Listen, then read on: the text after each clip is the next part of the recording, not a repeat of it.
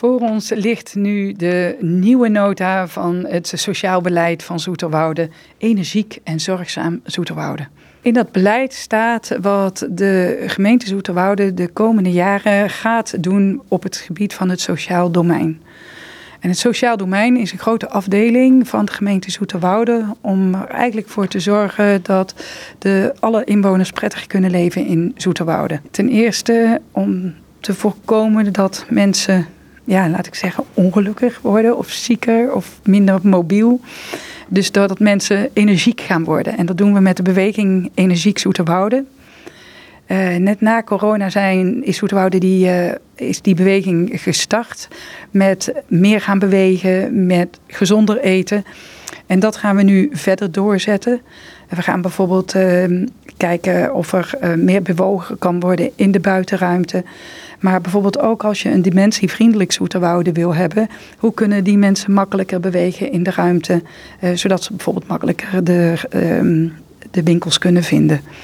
En wat we ook heel belangrijk vinden is de verschil tussen arm en rijk proberen te verminderen.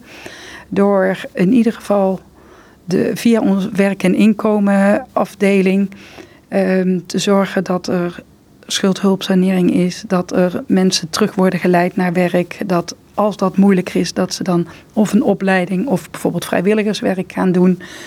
Um, dat in ieder geval ook de bestaanszekerheid uh, geregeld wordt. Dat doen we bijvoorbeeld ook met uh, energiesubsidies of met andere subsidies.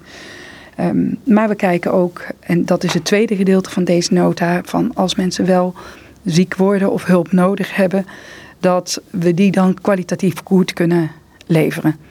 Wat dit plan wil zeggen is dat wij eh, sociaal domein breed aan de slag kunnen. Dus degene van het jeugddomein die gaan op het jeugddomein aan de slag. Voor werk en inkomen gaat met werk en inkomen aan de slag.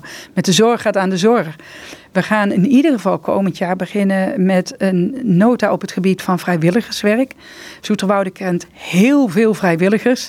En um, dat moet soms een stukje ondersteund worden. Er zijn ook veel nieuwe groepen eh, vrijwilligers bijgekomen. Denk bijvoorbeeld in het hele duurzaamheidsverhaal. Uh, de, de tuin van bij mij, of uh, soms heb je het op het gebied van hergebruik van spulletjes.